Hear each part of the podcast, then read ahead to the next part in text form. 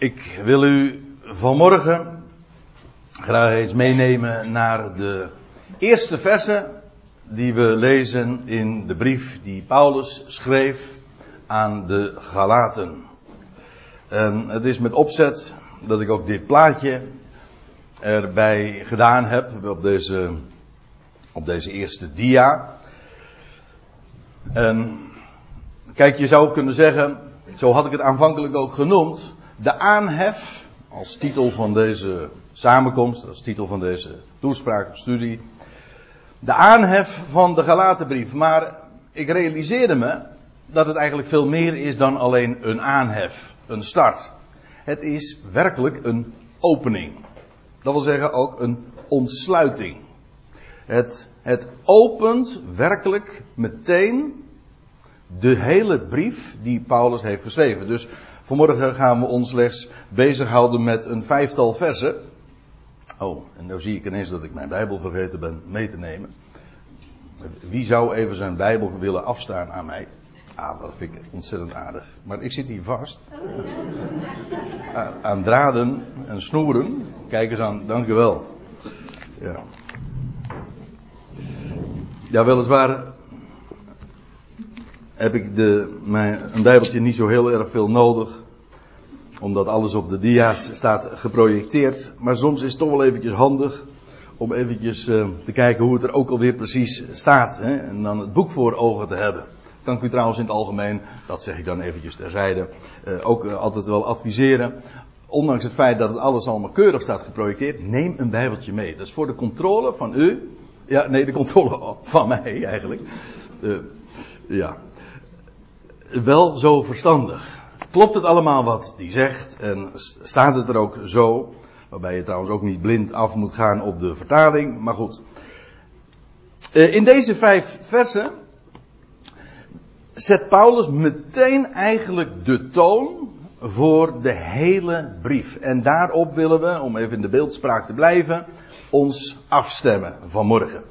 Kijk, Paulus, die heeft heel wat reizen ondernomen en als achtergrond, als historische achtergrond, het hele verhaal, de geschiedenis van zijn reizen, die wordt ons meegedeeld in het boek Handelingen.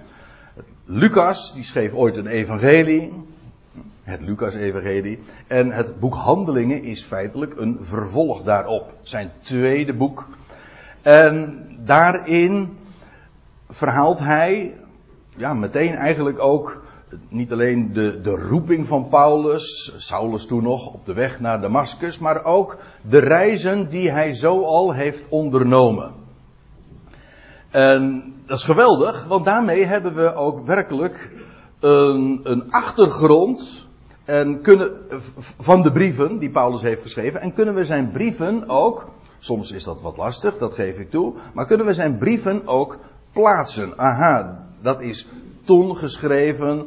En we weten ook dat Paulus, hij heeft heel wat reizen ondernomen. En u ziet hier trouwens ook in het Engelstalige plaatje, dat dit inmiddels zijn tweede zendingsreis is. Hij, vanuit Antiochië is hij toen gegaan naar Tarsus, zijn, zijn geboorteplaats trouwens.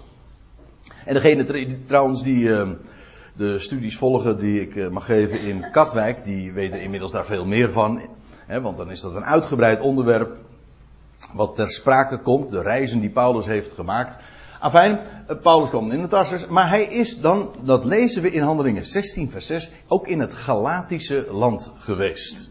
Dat was inmiddels, dat zeg ik er even bij, en dat zeg ik niet zomaar om, uh, om, om volledig voor de data te zijn, maar ook voor het begrip is het van belang. Dit is inmiddels ook na die beroemde vergadering, dus in hoofdstuk 15 geweest, die, die apostelvergadering.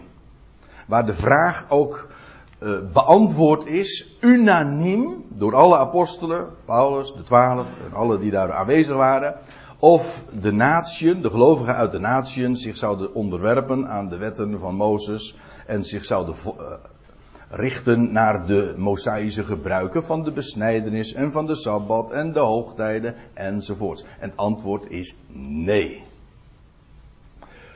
Gelovigen zijn vrij daarin en daarvan. En die vrijheid, dat is eigenlijk de grote oorkonde van dat hoofdstuk. En Paulus heeft dat vervolgens ook, dat lees je in Handelingen 16 in de aanvang ook, heeft die, die, die besluiten, heeft hij ook uitgedragen waar hij ook naartoe ging. En hij is onder andere dus in het Galatische land geweest. Veel lezen we daar niet over. Uh, later komen we het nog een keertje tegen. Uh, in hoofdstuk 18, vers 23, het Galatische land. Voor de rest komen we die term Galatië niet meer tegen. Afijn, hier dus in het huidige centrale Turkije is dat land, of dat, die landstreek gelegen. Hier woonden allemaal Kelten, Galliërs. Galaten, Gallië. Ze kwamen eigenlijk allemaal uit, uh, ja, uit West-Europa dus. Die mensen die waren hier neergestreken. Dat is een heel verhaal apart, maar daar, uh, dat doet nu even niet ter zake. Afijn, Paulus had daar een geweldig bericht doorgegeven. Nou ja, eigenlijk ook het bericht waar we het al over hadden, wat ik in mijn dankgebed noemde, wat we zojuist hebben gezongen, over Gods genade die alomvattend is. God die geeft. God die de wereld lief heeft. God die dat bewezen heeft in zijn zoon. Die de losprijs betaalde voor allen. Die ene God, die ene middelaar van God en mensen. En dat het louter genade is. Deze mensen, moet zich realiseren, dat waren toen Paulus met hen in aanraking kwam, dat waren afgodendienaars. Heidenen dus, echt in, de, in alle zin, alle betekenissen van het woord die wij daar ook aan geven. We lezen in Galaten 4, kijk dan is het toch handig als je een bijbeltje zo bij je hebt. Want daar staat in Galaten 4 vers 8. Maar, schrijft Paulus dan aan hen, in de tijd dat jullie God niet kenden, hebt gij goden gediend die het in wezen niet zijn. Nu, nu echter hebt gij de God leren kennen. Ja, meer nog, hij zei door hem gekend. Nou ja, enzovoort. Ik bedoel daarmee te zeggen, het waren dus mensen die een religieuze achtergrond hadden, maar ja, andere religies. Zij kenden, zij kenden God niet, de God, zij kenden goden. En dus kenden ze God niet. Want God is juist God, omdat er maar één is. Kijk, als, er, als je meerdere goden hebt, dan betekent dat dat die, dat die ene God uh, ruimte moet afstaan aan de andere God. Zodra, je, zodra je meerdere goden hebt, ongeacht of er nou twee of drie of vijfhonderd of vijfduizend zijn, dan betekent dat dat die een God nooit almachtig is, nooit alvermogend is, albeschikkend is. Want hij moet zijn macht delen met een andere God. Wat, hij, wat de ene voorneemt, dat kan de andere weer, weer dwarsbomen. Nee, zie je, dat is niet alleen maar een kwantitatief, kwantitatieve kwestie van of er één God of meer. Nee, het is kwaliteit. Er is één God die alles beschikt. Niets uitgezonderd. Wiens voornemens per definitie ook niet gedwarsboomd kunnen worden. Hij is God, de ene. Wel, zij hadden die boodschap leren kennen. Ze waren afgodendienaars. Nu hadden ze God leren kennen. Sterker nog, ze hadden leren verstaan dat God hen kende. Een boodschap van genade. En wat is er gebeurd? Dat moet ik eventjes toch als achtergrond erbij vertellen, want ja, dat kom je vanzelf wel tegen als je deze brief in zijn geheel leest. Maar deze, er waren mensen gekomen vanuit Jeruzalem, maar in ieder geval Judaïsten. Die wilden hen judaïseren. Die uitdrukking vind je ook letterlijk ergens in hoofdstuk 2, vers 14. Ja. Judaïseren. Ze wilden hen Joodsen, verjoodsen. Dat is eigenlijk wat judaïseren betekent. Ze wilden hen verjoodsen door hen de Joodse gebruiken op te gaan leggen. Nou ja, het ging subtieler. Want inmiddels, ik had al gezegd, dit was na die vergadering, waar dat al lang beslecht was. Heidenen, de gelovigen uit de natie, zijn volstrekt vrij en, mogen, en hoeven niet de wet van Mozes te onderhouden. Maar, nu kwamen er leraren, die waren niet van één gat te vangen, die zeiden van ja, maar als je nou op een hoger niveau, het is niet noodzakelijk, maar als je op een hoger niveau wil komen, als je echt wil weten wat het is om rechtvaardig te leven, dan moet je toch echt die wet houden. Om gerechtvaardigd te worden. Om, dat wil zeggen, om rechtvaardig te kunnen leven. Niet om behouden te worden, maar om rechtvaardig te kunnen leven, heb je die wet van Mozes nodig. Nou, toen wist via een achterdeur alsnog weer die leer, die al lang eigenlijk uh, weerlegd was, kwam ze toch weer via een sluiproute weer naar binnen. En Paulus is buitengewoon verbolgen. Hij is, hij zegt ook in, in eh, vers 6, hij is verbaasd. Hij is verwonderd hoe zij zich zo schierlijk hebben kunnen afbrengen van die boodschap van genade. En, daar, en zo waren ze weer religieus geworden. ze hadden een religieuze achtergrond en nu waren ze gejudaïseerd. En Paulus zegt, dat is eigenlijk het, hetzelfde laken en pak. Hij zegt dat heel sterk in hoofdstuk 4. Hij zegt, jullie, keer, jullie keren eigenlijk gewoon weer terug naar de eerste beginselen van de wereld. Jullie waren religieus en nu zijn jullie weer religieus. Door iets aan te nemen dat nooit voor jullie bestemd is. Want de wet van Mozes was gegeven aan Israël, voor een volk, voor een bepaalde tijd bovendien. En nu gaan jullie, terwijl Israël zelf inmiddels vrijgekocht is, gaan jullie je daaraan onderwerpen. En Paulus is, zoals we zeggen, verbolgen. Hij zegt in vers 13 van hoofdstuk 4, het leek me ook wel een aardige opstap om nu verder te gaan. Uh, ja, jullie weten, ik, ik, ik, ik, haal even een paar frasen eruit. Ja, jullie weten dat ik aan jullie heb geëvangeliseerd. Dat is zoals hij letterlijk zegt. Het goede bericht, hè, want dat is wat evangeliseren betekent. Het goede bericht gebracht heb. Jullie weten dat, dat ik dat aan jullie gedaan heb. En hij zegt, jullie hebben mij ontvangen vers 14, als een boodschapper, als een engel van God. Ja, zegt hij, als Christus Jezus zelf. Dat is heel sterk. In Gelaten 1, vers 15, daar lees je. Ja, in vers 15, daar lees je dat God het behaagd had. Nou ja, ik lees weer eventjes voor. Maar ik heb er namelijk geen diaatje van. Maar toen het hem, die mij van de schoot van mijn moeder aan afgezonderd. Ziet u, Paulus had er zelf niet naar gezocht. Hij was al in de wieg toen hij nog alleen maar kon krijzen. Hm, was hij al afgezonderd door God. Toen het hem, die mij van de schoot mijner moeder aan afgezonderd en door zijn genade geroepen heeft, behaagt dat zijn, zijn zoon in mij te openbaren. En dan staat erachter, opdat ik hem onder de natieën verkondigen zou. Daartoe was hij afgezonderd. Opdat God zijn zoon in hem, in Paulus, zou openbaren. Dat betekent dus dat als, als Paulus onder de natieën opereerde, was dat feitelijk een openbaring van de zoon. Dus het is niet zo gek als hier dan staat van, jullie hebben mij ontvangen als een boodschapper van God, ja als Christus Jezus zelf. God heeft zijn zoon geopenbaard in Paulus. Of zo zoals hij hem ook gebracht heeft onder de natieën. Dan zie je ook een enorm, een enorme autoriteit die van hem uitgaat. Hoe hij geroepen is. Er staat trouwens nog iets achter, want dat is eigenlijk de, ja, de hele toonzetting van de verbazing in de hele brief. Hij zegt letterlijk, waar is dan het geluk van jullie? Waar, of in de MBG-vertaling waar is het gebleven? Jullie waren ooit zo gelukkig. Hij schrijft daar ook diverse keren over in de brief. Moet maar eens nakijken in de eerste verse van hoofdstuk 3 ook. Zo'n enorme volheid van vreugde die daar ontketend was toen hij het goede bericht daar had verteld. Wat een geluk, ze konden het niet op. En nu waren er judaïsten gekomen en daarmee werden ze wel heel religieus, maar het geluk, de genade, de vreugde, de vrede, het was weg. Er was trouwens ook heel veel, dat betekende het ook, heel veel onderlinge strijd enzovoorts. Waar is het geluk van jullie? Een mens wordt gelukkig als hij God leert kennen. Wie hij is, geeft.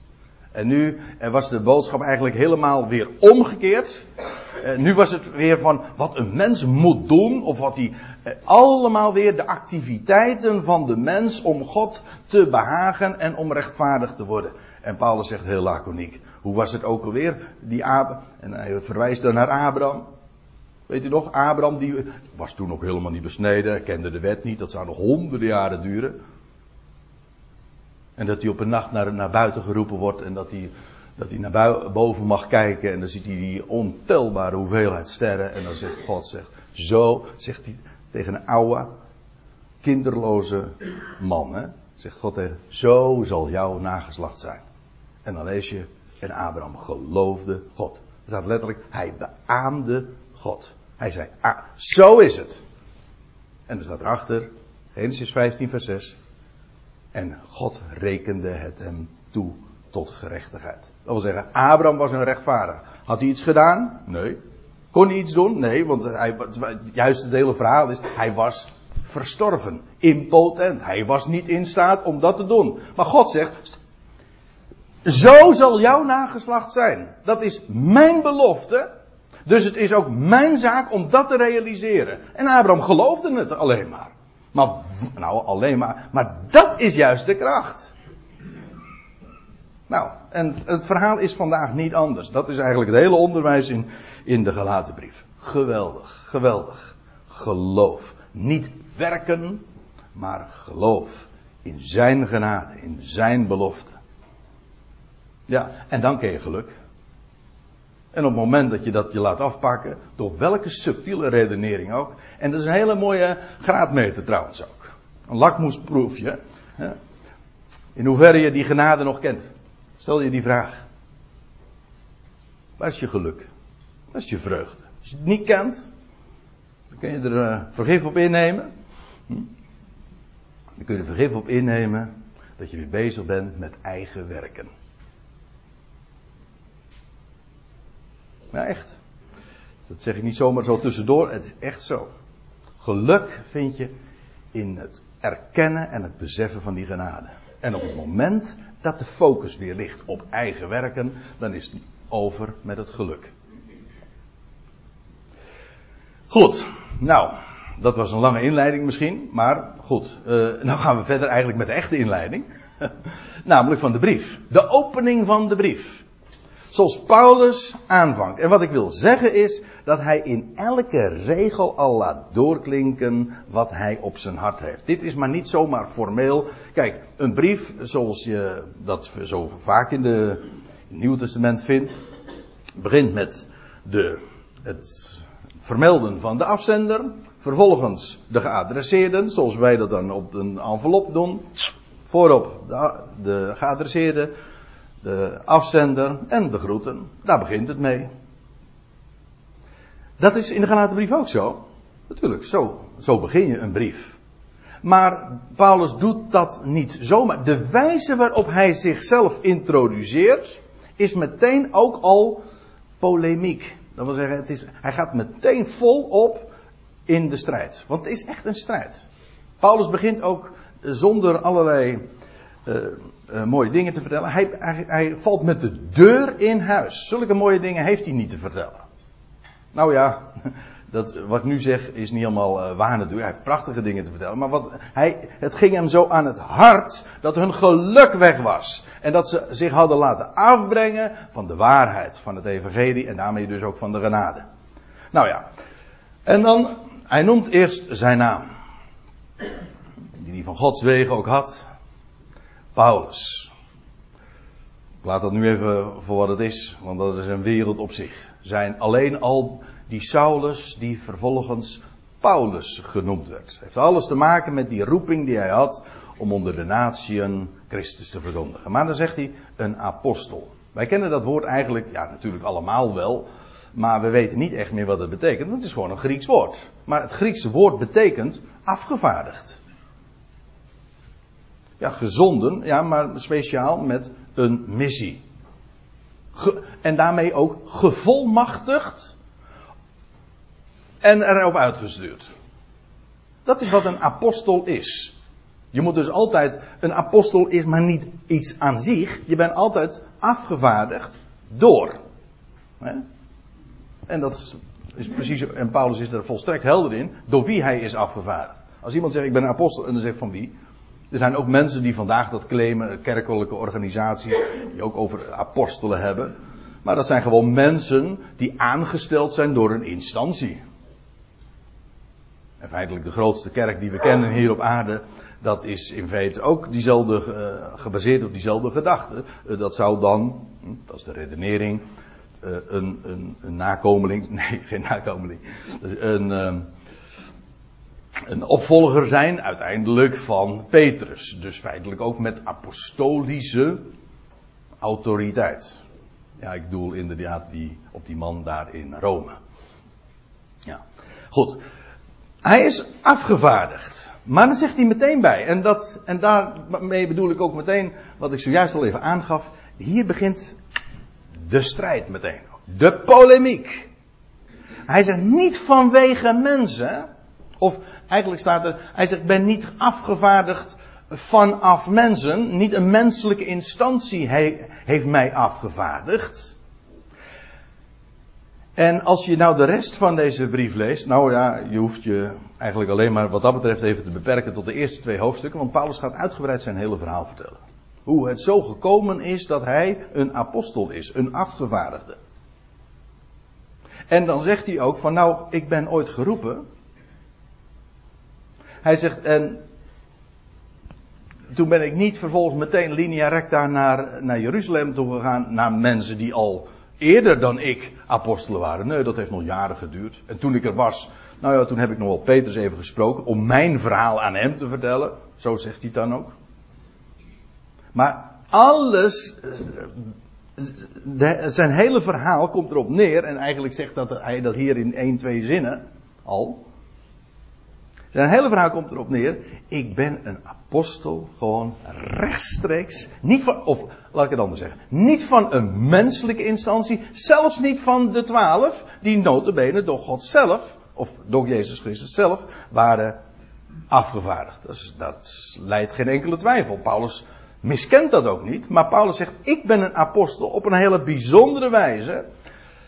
Uh, in ieder geval niet afgevaardigd van de twaalf in Jeruzalem. Niet vanwege, of van, van, vanwege mensen, nog door een mens. Hm.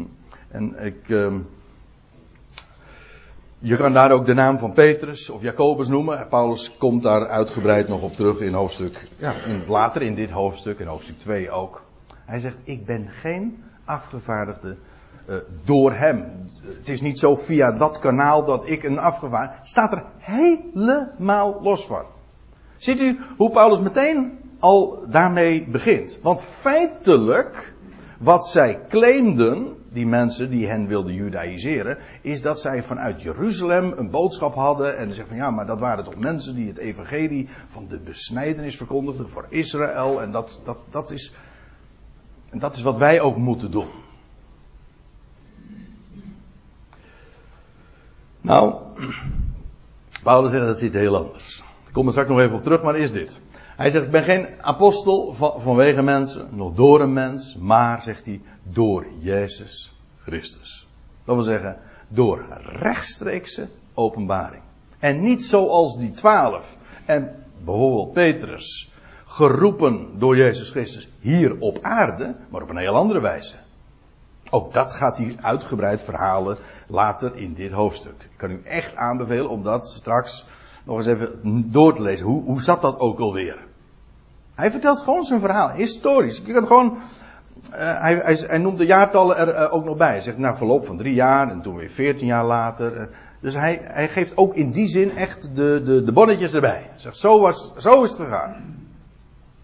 Hij zegt, mensen uh, hebben, ik ben geen, het is geen menselijke instantie uh, die uh, achter mij staat, die mij gezonden heeft. Hij zegt, ik ben het ook niet geworden doordat een mens naar mij toegekomen is. Nee, welke autoriteit ook. Hij zegt, door Jezus Christus zelf. En niet een mens hier op aarde, maar vanuit de hemel. Namelijk door rechtstreekse openbaring. Als u even verder leest in ditzelfde hoofdstuk, dan zegt hij, want ik maak u bekend, broeders, dat het evangelie, ja, dat evangelie, hij noemt dat later, dat evangelie, ja, ik geef toe, als u een NBG-vertaling hebt, dan word je op, het, op een verkeerd spoor gezet. Maar als u een statenvertaling nog hebt, een oude statenvertaling, moet ik er ook nog bij zeggen, want de herziene oh, is daar ook, die hebben ze verkeerd herzien. Je, zou zeggen dat als je iets herziet, dat je uh, verbeteringen aanbrengt. Maar nee, bij de herziende staat het in dit geval, sorry dat ik het zeg, is het echt een verslechtering. Ja, sorry, zo is het gegaan. En er staat namelijk, het Paulus was het evangelie van de voorhuid. als u denkt vooruit, vooruit, uh, ja, dat heeft te maken, dat is een beetje een technische term. Dat is een aanduiding van de niet-Joden. De mensen die niet besneden zijn. Waar de voorhuid, sorry dat ik het zeg, uh, maar, uh, waar de voorhuid dus niet van is weggenomen. Onbesnedenen dus. Het, niet het evangelie voor de onbesneden, maar het evangelie van die voorhuid is aan Paulus toevertrouwd. Zoals aan Petrus, zegt hij in hoofdstuk 2 vers 7 tot en met 9. Zoals aan Petrus en de rest van de twaalf het evangelie van de besnijdenis was toevertrouwd. Van Gods wegen, begrijp het goed. Jawel, maar het is onderscheiden. Paulus wil juist benadrukken dat wat ik breng onder de natieën, dat staat daar los van. Allebei. De boodschap van de twaalf en van Petrus heeft een goddelijke oorsprong. Maar het was bestemd voor de besnijdenis, voor dat volk. En ik ben met een onderscheiden boodschap. Van Gods wegen net zo goed gezonden naar de natie. Dat is wat hij benadrukt. En zoals die elders ook zegt, een apostel en een leermeester van natie. Dat, om, om hem onder de natieën te bekend te maken. Ik maak u bekend, broeders, dat het evangelie, dat het, welk door mij verkondigd is, niet is naar de mens. Dat wil zeggen, een mens zou het niet bedenken. De mens staat ook niet centraal. Dat is het meest karakteristiek eigenlijk ook. Het gaat er ook niet om wat de mens moet doen. Dat is volstrekt oninteressant. Ik weet het. Meestal is de, uh, komt godsdienst daarop neer. Hè? Wat een mens moet doen, ongeacht wat. Maar daar gaat het niet om. Het gaat erom wat God gedaan heeft. En wat hij doet en wat hij zal doen. Dan geeft hem dus de eer. Het is niet naar de mens. Hij zegt, ik heb het ook niet van een mens ontvangen of geleerd. Hij werd geroepen op de weg naar Damascus. Was een heel eind van Jeruzalem vandaan. Daar was Petrus niet bij. Waren de anderen van de twaalf waren daar niet bij.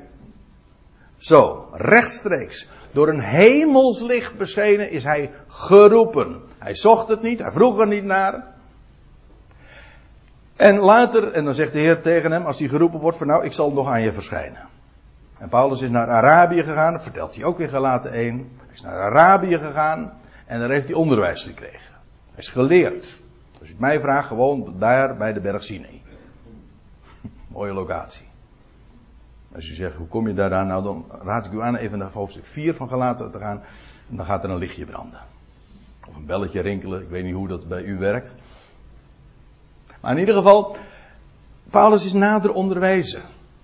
Hij is niet naar Jeruzalem. Toen hij geroepen was, is hij niet naar Jeruzalem gegaan om in de leer te gaan bij degene die al eerder apostel was. Nee, hij is naar Arabië gegaan.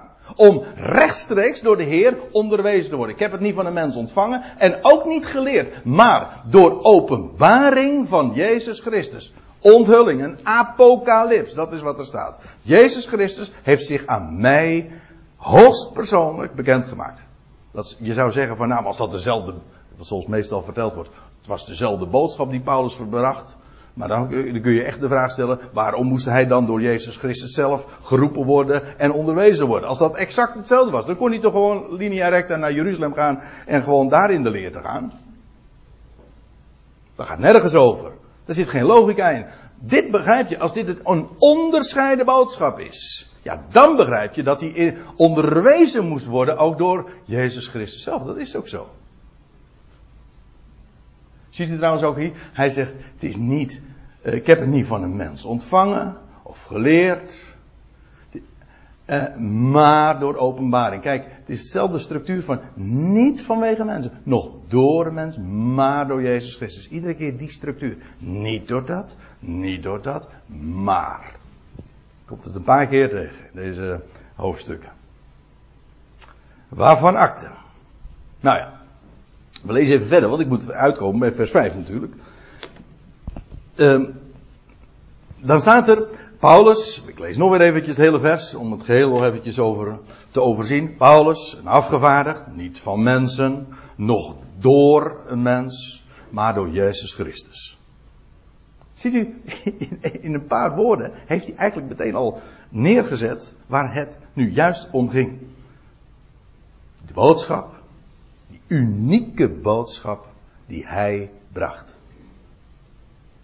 En aan hen gebracht had daar in die ze kenden. Die hen zo gelukkig had gemaakt. Nou. Hij zegt, een, apost, een afgevaardigde,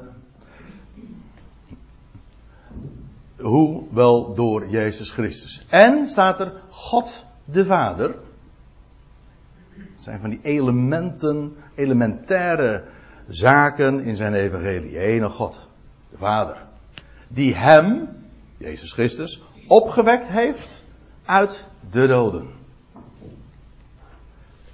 Als je, dat is mooi als je bijbelstudie doet. En zeker als je zo'n interlineaire heeft, hebt, weet je wel, dan kun je echt woord voor woord. Daar staat eigenlijk die hem vanuit de doden opgewekt heeft. De meeste mensen denken van opwekking uit de doden betekent zoiets van, nou hij was dood en toen werd hij opgewekt. Nee, opgewekt vanuit de doden wil zeggen, er waren allemaal doden. Hè? Eigenlijk de hele wereld is een grote begraafplaats, toch? Ja, al die miljarden mensen die daar inmiddels van voorbije generaties, die liggen daar allemaal. Wel, Jezus Christus is door God de Vader opgewekt vanuit die doden. Dat wil zeggen tussen die doden uit. Al die andere doden bleven er liggen. En hij werd door God, de Vader, opgewekt vanuit die doden. Dat is de betekenis. De gedachte is dus niet van hij was dood en toen uh, liet God hem opstaan. Nee, de, de andere doden bleven achter en hij stond van tussen die doden op. Uh, van tussen die doden uit op. Zo moet ik het zeggen. En daarmee is ook weer in een paar woorden aangegeven wat de hele clue is. Daarmee is gezegd, Jezus Christus stierf. Ja, om opgewekt te kunnen worden uit de doden moest hij eerst sterven. Hij stierf. Waarom? Prijs te betalen.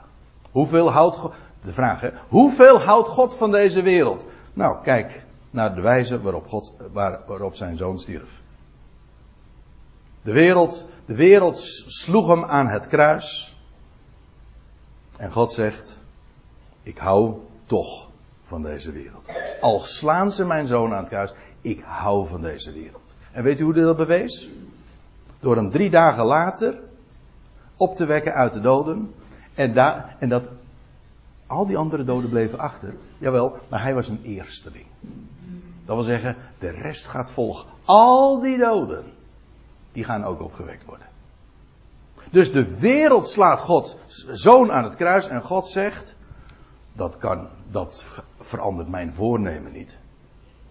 Ik ga diezelfde wereld die mijn zoon aan het kruis sloeg, ga ik het leven geven. Dat leven dat ik, dat hij drie dagen later, na zijn kruisdood, aan het licht bracht. Dat le datzelfde leven wat Jezus Christus aan het licht bracht, dat is onvergankelijk leven. Hij liet echt de dood dus achter zich, hè. Toen begon het leven. Wij kennen geen leven, nee, nee wat wij kennen dat is sterven. We zijn op weg naar de dood. Maar hij leeft. Dat wil zeggen, hij heeft de dood achter zich. Eens voor altijd. En hij is de eersteling. En dat wat hij als eersteling aan het licht bracht, dat is voor de hele wereld bestemd. Dat is Gods liefde. Die liefde is niet kapot te krijgen. Geen vijandschap zo groot. Of Gods liefde overtreft het. En hij heeft dat bewezen. Dat is de prijs die betaald werd aan het kruis. En drie dagen later wekte God hem op uit de doden als een garantie voor de hele wereld. En zoals in Adam allen sterven, zo zullen in hem allen worden levend gemaakt. Nou ja, ieder in zijn eigen rangorde, niet allemaal tegelijk. En het, het, het, grootste deel wellicht pas aan het eind, maar niettemin, dat is de toekomst. Zo staat het vast. Dat is het evangelie. God de Vader die hem opgewekt heeft uit de doden. Eigenlijk is hiermee in dit ene vers ook een hele reeks van gebeurtenissen, van opeenvolgende feiten uh, neergezet. Paulus is een apostel. Hoe is hij een apostel? Wel, door Jezus Christus. Die zich aan hem openbaarde. En hoe, hoezo door Jezus Christus? Die is toch gestorven? Jawel, maar God heeft hem, hij is opgewekt uit de doden. Eens voor altijd. Niet om weer, hij, hij keerde dus niet terug naar dit aardse bestaan om vervolgens weer te sterven. Nee, hij is de eerste, en trouwens tot dusver de enige, die opgewekt is uit de doden, de levensvorst is. Besef goed wat dat betekent. En dat leven dat hij, nu daar heeft. Dat leven, ja, dat is gereserveerd voor al die, al die Adamieten, al die stervelingen, al die miljarden mensen. Om niet. En dat is wat Paulus mocht vertellen. Hij was een apostel. Door Jezus Christus. Die opgewekt is uit de doden. Ja, door wie? Door God de Vader. Dus hier begon het uiteindelijk allemaal. Bij, God, bij die ene God, namelijk die een vader is. Dat is mooi hè? Hij is een vader. En een vader, hoe de vader houdt van zijn kinderen. Niet omdat ze iets gedaan hebben. Die liefde kun je niet verdienen toch als een kind. Je houdt toch niet van je kind omdat het iets gepresteerd heeft. Waarom hou je van je kind? Omdat het je kind is. En dat kan nooit ongedaan gemaakt worden. Wat er ook gebeurt. God is een vader. Ja, in allerlei zin, alle betekenissen, allerlei gelaagdheden enzovoorts. Allemaal tot je dienst. gewoon die fundamentele waarde. God is een vader. Van heel zijn schepping. Werk van zijn handen. God, de Vader. Ziet u die hele reeks in Galaten 1 vers 1? Goed, dat was de, dat was de afzender. Dat was vers 1. Die versindeling moet je niet te veel van aantrekken natuurlijk. Die hebben ze gewoon later voor het, voor het lezersgemak er gewoon bij gedaan. Maar goed, handig om eventjes te zeggen waar we zijn in de brief. That's it. Hm? En zegt Paulus erbij, en al de broeders die bij mij zijn. Hij noemt ze niet bij namen. We mogen veronderstellen dat onder andere Timotheus is geweest, maar uh, het moeten er meer zijn. Het lijkt mij zelfs een heel, heel stuk, uh, een heel aantal meer, want anders zou je niet zeggen al. En alle broeders. Dat suggereert toch een, een, flink aantal. Doet niet ter zake, Paulus noemt ze niet bij namen, maar ze waren bij hem. Paulus zegt dat natuurlijk ook omdat zij hem met die andere broeders ook kenden. Zo waren ze ooit gekomen. Paulus had daar die boodschap gebracht, niet alleen. Het grote kracht was het daar binnengekomen. En nu hadden ze zich daarvan laten afbrengen. En nou zegt hij, nou, en nu noemt hij de geadresseerden. Aan de gemeenten, de ecclesia's, de, de, de verzamelingen van uitroepsels. Dat is het. Een ecclesia, dat is gewoon Ek betekent uit en dat Klesia heeft te maken met roepen, uitgeroepen. En, ik liet u zojuist een plaatje even zien, dat daar in centraal Turkije had je daar die landstreek van Galatië, dat, dat uh, omvatte vele plaatsen. En hoeveel plaatsen dat geweest is, maar er waren dus daar in Galatië meer dan één gemeente. Meer dan meerdere ecclesia's die samenkwamen. Het is natuurlijk maar één gemeente, maar die Ecclesia komt op verschillende plaatsen samen. Nou, aan Paulus, Paulus richt zich aan hen. En moet opletten hoe formeel die dat doet. Afstandelijk haast. Want elders heeft het altijd. Kijk maar eens naar hoor hoe Paulus zijn brieven begint. Aan de Efeziërs, de Filippenzen, de Colossensen, noem maar, noem maar op, de Thessalonicenzen. Altijd komen daar een hele reeks van bijvoegsels bij. Hè? aan de geliefde van God, aan de uitverkorenen. En dan, eh, dan wordt hij niet moe om ook erbij te schrijven wat, wat dat allemaal betekent. Hier niet. Hier is er gewoon de adressering heel kaal aan de Ecclesia's van Galatië. Ja, die formele afstand, die geeft eigenlijk ook al meteen aan de toon, namelijk dat hij hen iets heel ernstigs had mee te delen. Dus hij begint niet leuk of zo. Want hij moest hen iets zo vertellen. Ik bedoel, hij begint niet lelijk of zo, maar de, ja, eh, de, de, de wijze waarop hij dit ook neerzet, geeft ook inderdaad aan uh, dat het iets buitengewoon ernstig is wat uh, hij hen te vertellen had. Vandaar ook dat hij na die aanhef, die opening ook zegt, het verbaast mij dat gij u zo schierlijk van degene die u door de genade van Christus geroepen heeft laat afbrengen. Nou ja, dat. En dan zegt hij dit. Genade, zei u. Dat doet hij in andere brieven ook, maar in de gelaten brief is het nog zoveel zeggender.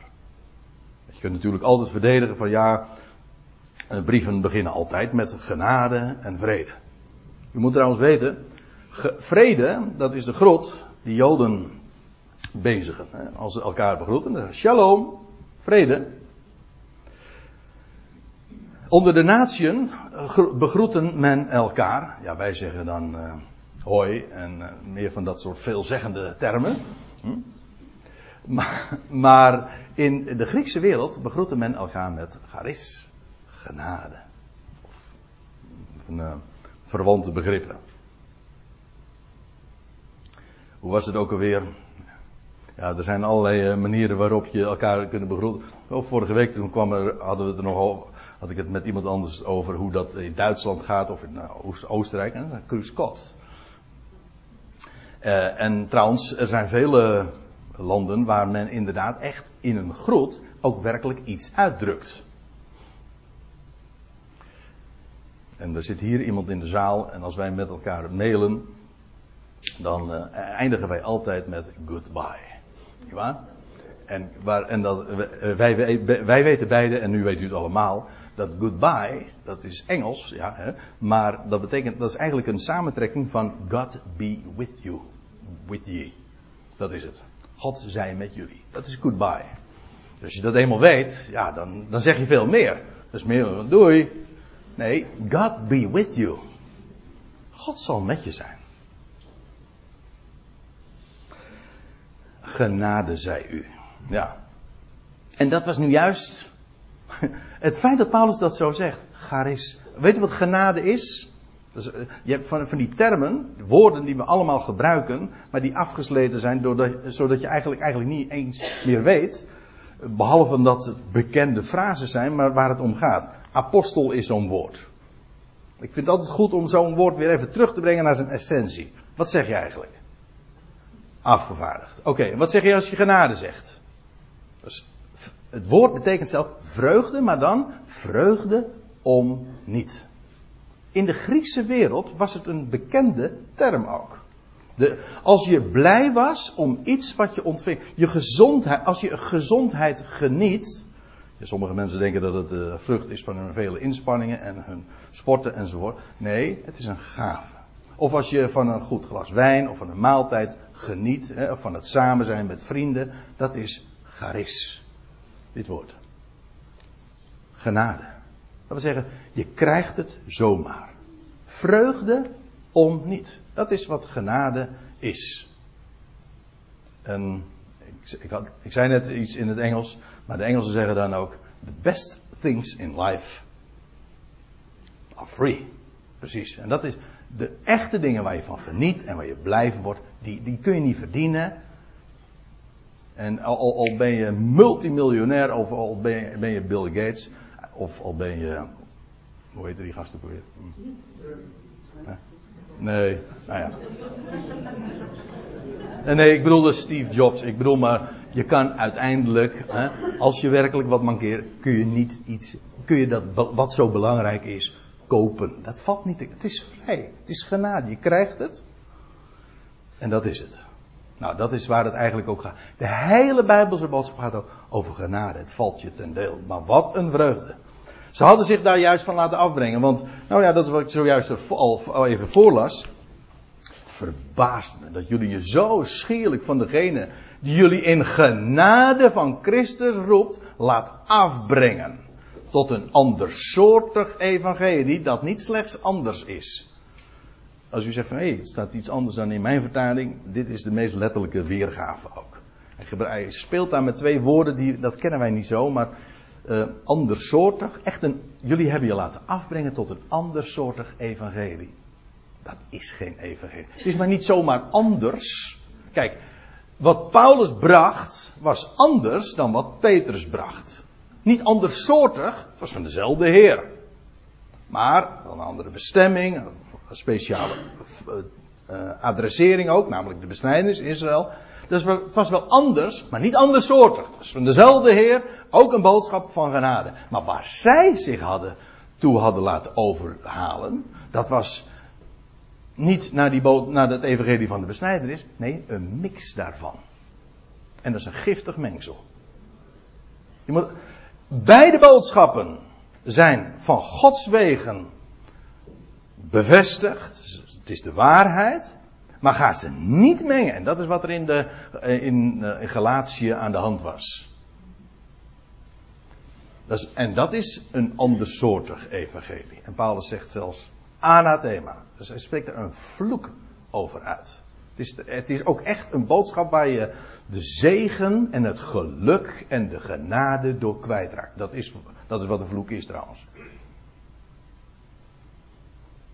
En laat me er zo, als je de boodschap van genade verliest, of laat afbrengen, en eh, die brief aan de gelaat is zo, zo elementair en zo, ook zo actueel, dat wou ik zeggen. Zo actueel, want weet u, wat toen alleen maar in die landstreek speelde, dat is, en waarvan Paulus zegt, dat is geen evangelie, dat is wat nu standaard gewoon in de christenheid gebracht wordt. Die boodschap. Als Paulus nu een brief zou moeten schrijven. Ja, nou dan had alleen de adressering wat groter moeten worden. Maar dan had hij dezelfde toon aanstaan. Waar is, die, waar is jullie geluk? Maar ook, dat is wat men predikt. En in feite predikt men ook vloek. Hè? Van voorwaarden en van werken. En als je dat niet doet, dan is daar de, de eindeloze vervloeking. Dat is een, in feite, men vloekt, sorry dat ik het zeg, als ik het zeg, men vloekt in de kerk.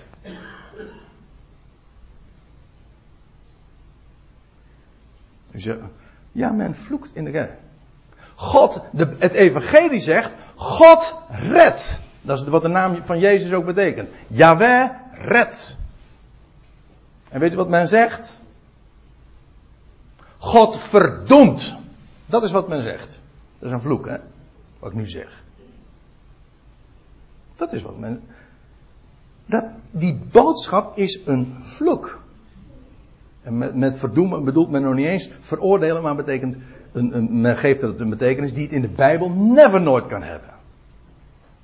Want God richt, maar altijd met, dat, met een geweldig doel. Kijk, dat wat in Galatië speelde, dat speelt in het kwadraat vandaag. En al zoveel eeuwen. Vandaar die actualiteit van deze brief. Maar wat een, wat een, wat een geweldige boodschap als je dit mag kennen. Weer in die zuiverheid. Terug naar de bron.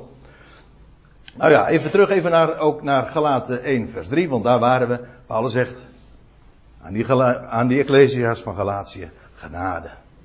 Genade zijn jullie en vrede van God. Ziet u, vrede, eigenlijk, het is, in die volgorde is niet voor, voor niks. Vrede is namelijk gebaseerd op die genade. God geeft, als je dat kent, die vreugde om niet, dan krijg je vrede. Dan heb je vrede.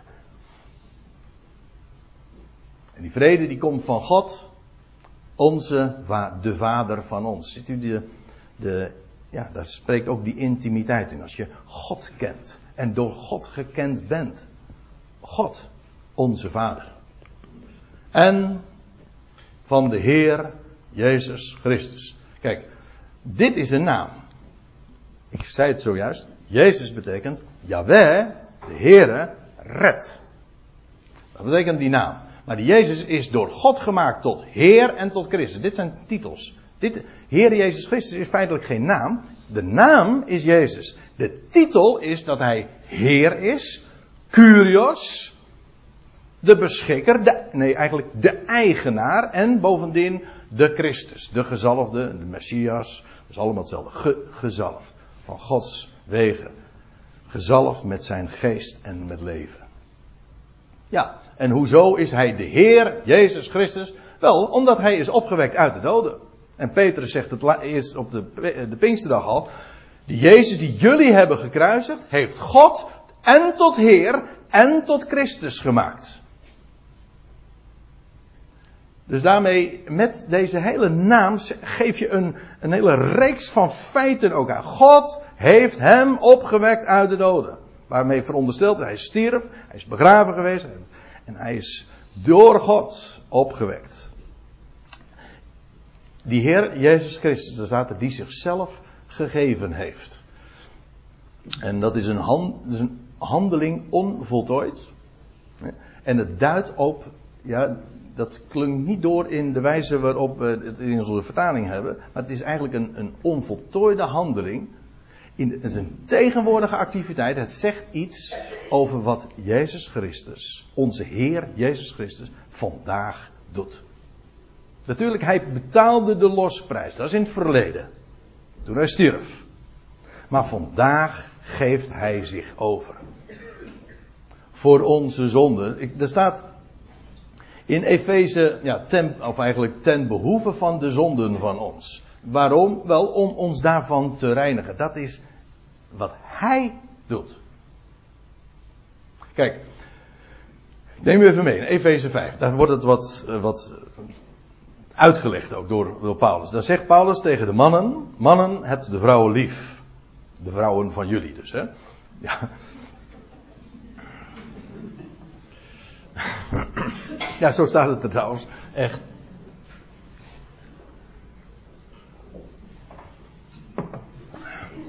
Ja, een, een misverstand heb je zomaar opgewekt natuurlijk. Oké, mannen, heb de vrouwen van jullie lief, evenals Christus zijn Ecclesia lief heeft en zich ten behoeve van haar overgeeft. Dat doet hij vandaag. Kent u die geschiedenis van, ja natuurlijk kent u die, van de, tenminste de meeste denk ik, van de Heer die in de nacht voordat hij werd overgeleverd in de opperzaal was, boven, hij was boven en dat hij zich overgeeft, hij deed een linnen doek om en hij ging de voeten van de zijnen wassen. Nou, dat is een prachtig plaatje van wat de Heer vandaag doet. Hij, hij, reinigt de voeten, dat wil zeggen, dat heeft te maken met onze wandel. Dat is geen ontkomen aan. We leven in deze wereld. We worden besmeurd door de dingen. En we, en we hebben een Heer die zich overgeeft. Vandaag heeft zijn Ecclesia lief en hij bewijst dat. Hij wast hen. Hij reinigt hen. Hij, geeft, hij heeft hen lief geeft zich ten behoeve van haar over om haar te heiligen. Haar reinigend. Hoe doet hij dat dan? Wel in het waterbad in woord. Zo staat het er eigenlijk. Oh, die schriften. Zijn woord. De uitspraken van hem. Dat heeft een reinigend effect. Dat maakt ons schoon en dat doet het niet alleen. Het staat ook, en zo zelf de Ecclesia voor zich te plaatsen. Stralend, zonder vlek of rimpel of iets dergelijks, zodat ze heilig is en smetteloos. Nou, waar het me even om gaat is, hij geeft zich over. Vandaag. Uit liefde. Voor die Ecclesia. En wat doet hij met die Ecclesia? Hij reinigt haar. Hij, let op, hij geeft zich over. Voor die taak. En wat, wij, wat zouden wij dan doen? Nou, dat laten doen. De boodschap eigenlijk in deze brief is: ga laten. Eigenlijk, door alleen de adressering eventjes goed neer te zetten, heb je ook meteen de inhoud van de brief ook te pakken. Ga dat, laat dat nou doen. We hebben een Heer die opgewekt is door God uit de doden en die geeft zich vandaag over ten behoeve van ons. Laat dat Laat je en laat je ook, en laat je niet die vrijheid en die genade je ontnemen. En, en dat woord op je in, laat dat op je inwerken. Hij geeft dat woord. Ga, laat dat woord zijn werk doen. En mensen zeggen, ja, maar dat, dat is voor, die geloven niet echt in de power van dat woord. In de reinigende kracht en bovendien ook in het vermogen van het woord. Dat laat je nog stralen ook en het maakt dat je alle vlekken en rimpels, wat je daar ook maar onder mag verstaan, hij neemt ze weg. Hij doet dat. Dus zijn werk. Dat wordt hier als voorbeeld gesteld aan de mannen. Dat is een onderwerp apart, daar wil ik nu eventjes. Uh, nou ja, ik heb het bij deze dan wel gezegd. Die kun je in je zak steken. Maar u begrijpt het, het gaat over wat de Heer doet vandaag. Voor, zijn, voor de Ecclesia. Zo maakt hij haar stralend, zo reinigt hij haar. Wat een, wat een kracht moet dat woord dan hebben. Ja, natuurlijk. Het is, ook, het is levend woord. Het is krachtig woord. Het is evangelie. Goed bericht. Nou, hij geeft zichzelf over. Voor onze zonde. Dat wil zeggen, dat is voor zijn rekening. Dat is zijn pakje aan. En om ons te trekken. U ziet hier in de, in de interlineair, er staat hier een woord. Dat is geen kritiek, maar om het eventjes nog wat nader uit te te, uit te vergroten. Dat is eigenlijk dit. Zodat hij ons zal uittillen. Dat is de gedachte. Hij tilt ons uit, boven. Hij, dat is uit, dat wil dus ook zeggen. Eh, we waren net zo al eventjes in de opperkamer, in die opperzaal. We waren boven, nou dat is precies waar hij ons plaatst. Boven. Hij tilt ons eruit. God, en dat is mooi wat, wat die Heer doet. Hij lost onze problemen niet op. Hij tilt ons erboven uit.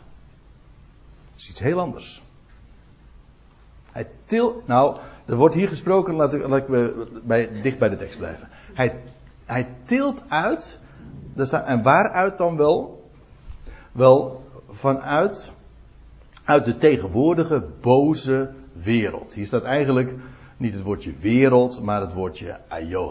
Ik kom er straks nog even op terug. Uit de tegenwoordige aion. Want er is heel veel mee mis. Waarom? Wel, die aion is boosaardig.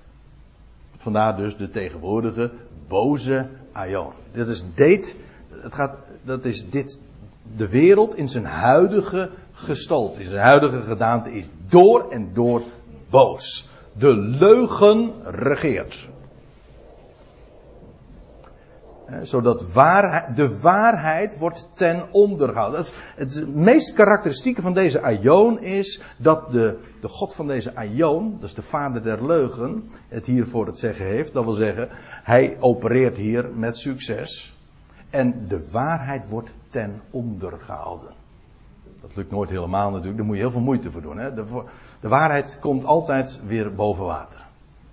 Vergelijk het altijd met een, een, bal. Je kunt een bal onder water stoppen. Natuurlijk kan dat, dat is helemaal geen probleem.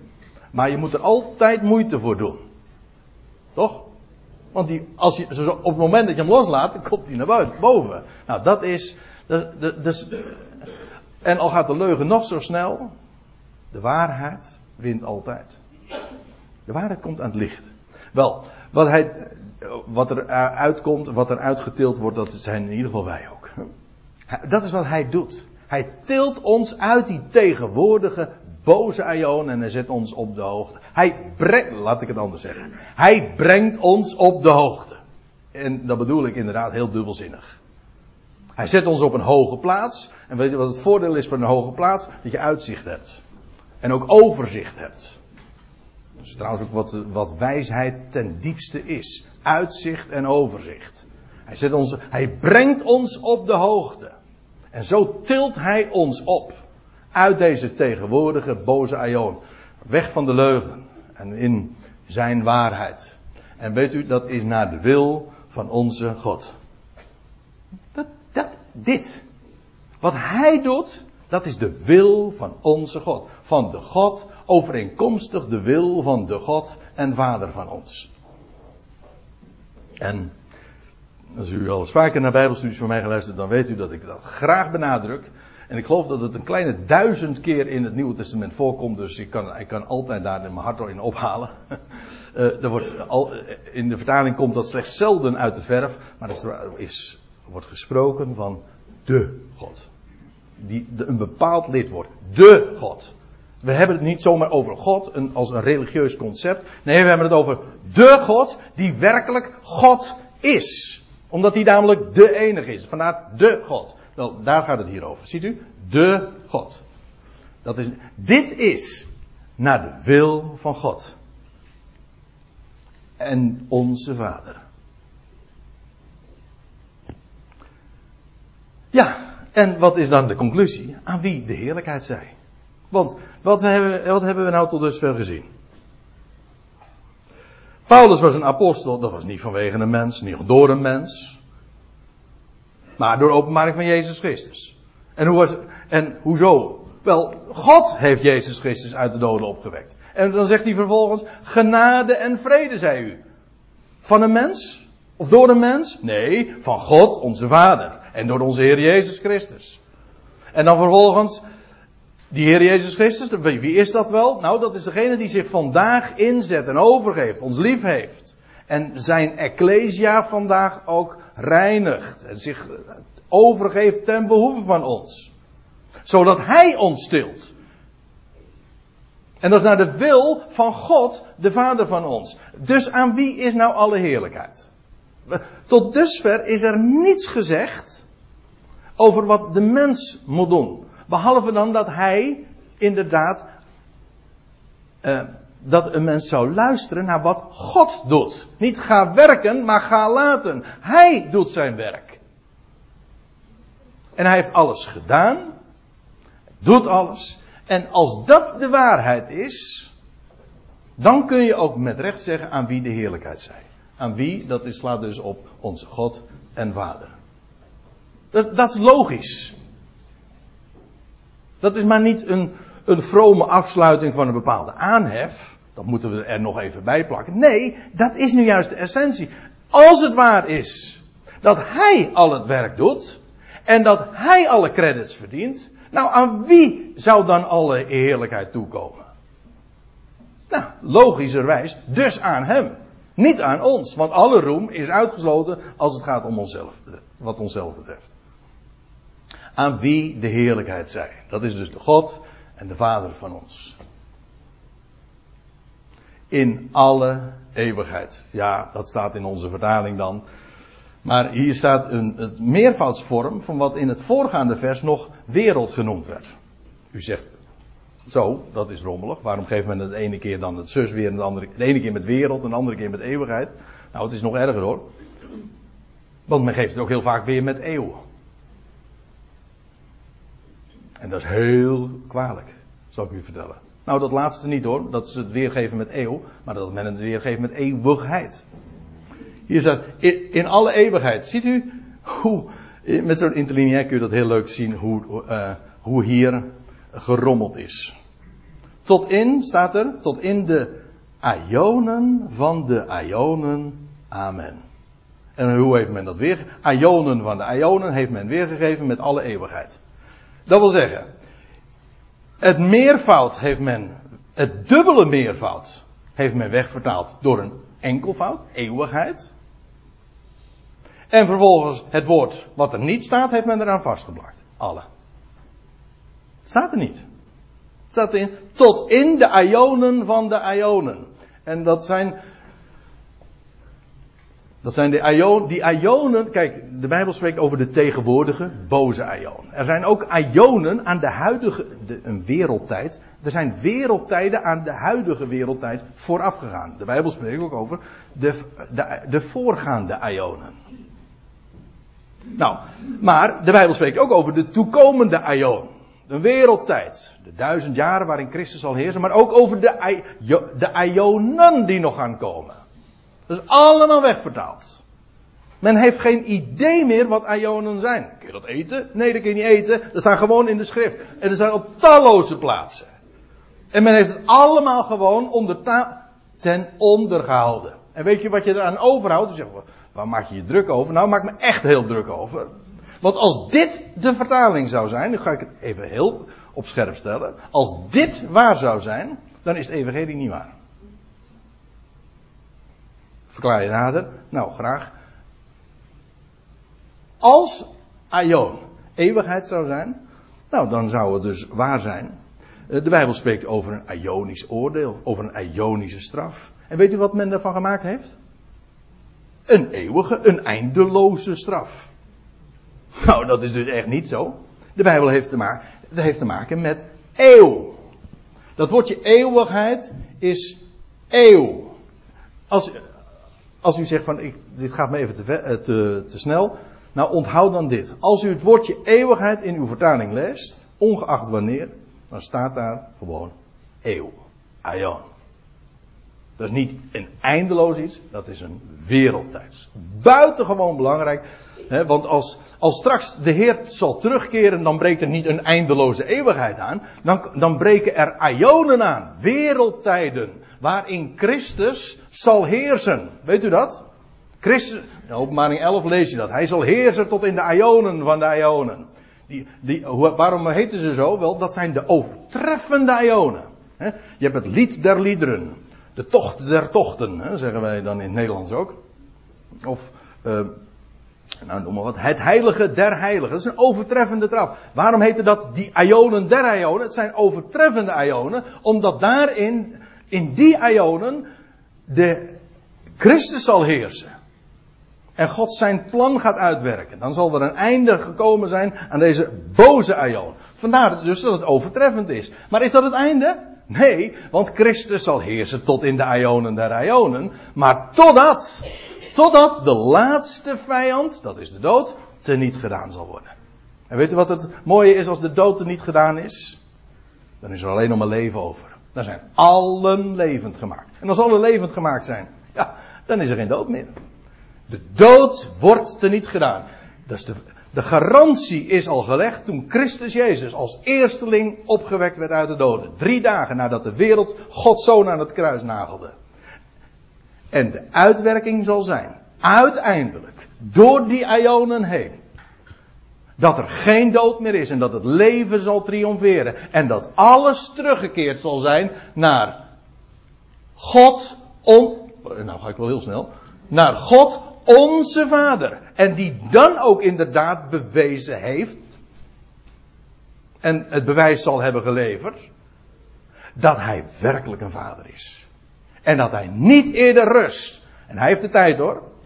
Hij heeft de, de wereldtijden in zijn hand. Maar in het begin stond dit al vast. De afloop staat vast. Hij is een vader. Hij ontfermt zich over elk schepsel. En hij doet de dood niet door zijn zoon, die als eersteling opwekte. Aan hem zij de heerlijkheid. Nou, ik, ik, noem, ik, ik zal nog een paar teksten noemen waar dat zo staat. Dat, wil ik, dat zeg ik ter afsluiting. De koning der Ionen, 1 Timotheüs 7, 17. De onvergankelijke, de onzienlijke, de enige God. Zij eer en heerlijkheid tot in de Ionen der Ionen. Amen. Nog één. Romeinen 16, vers 27. Hem, de alleen wijze God, zij door Jezus Christus de heerlijkheid tot in de Ionen. Amen. Nog één. Judas, in de brief van Judas sluit ook zo af. De enige God, onze redder, zij door Jezus Christus, onze Heer, heerlijkheid, majesteit, kracht, macht, door heel de Ion en nu en tot in al de eonen. Amen.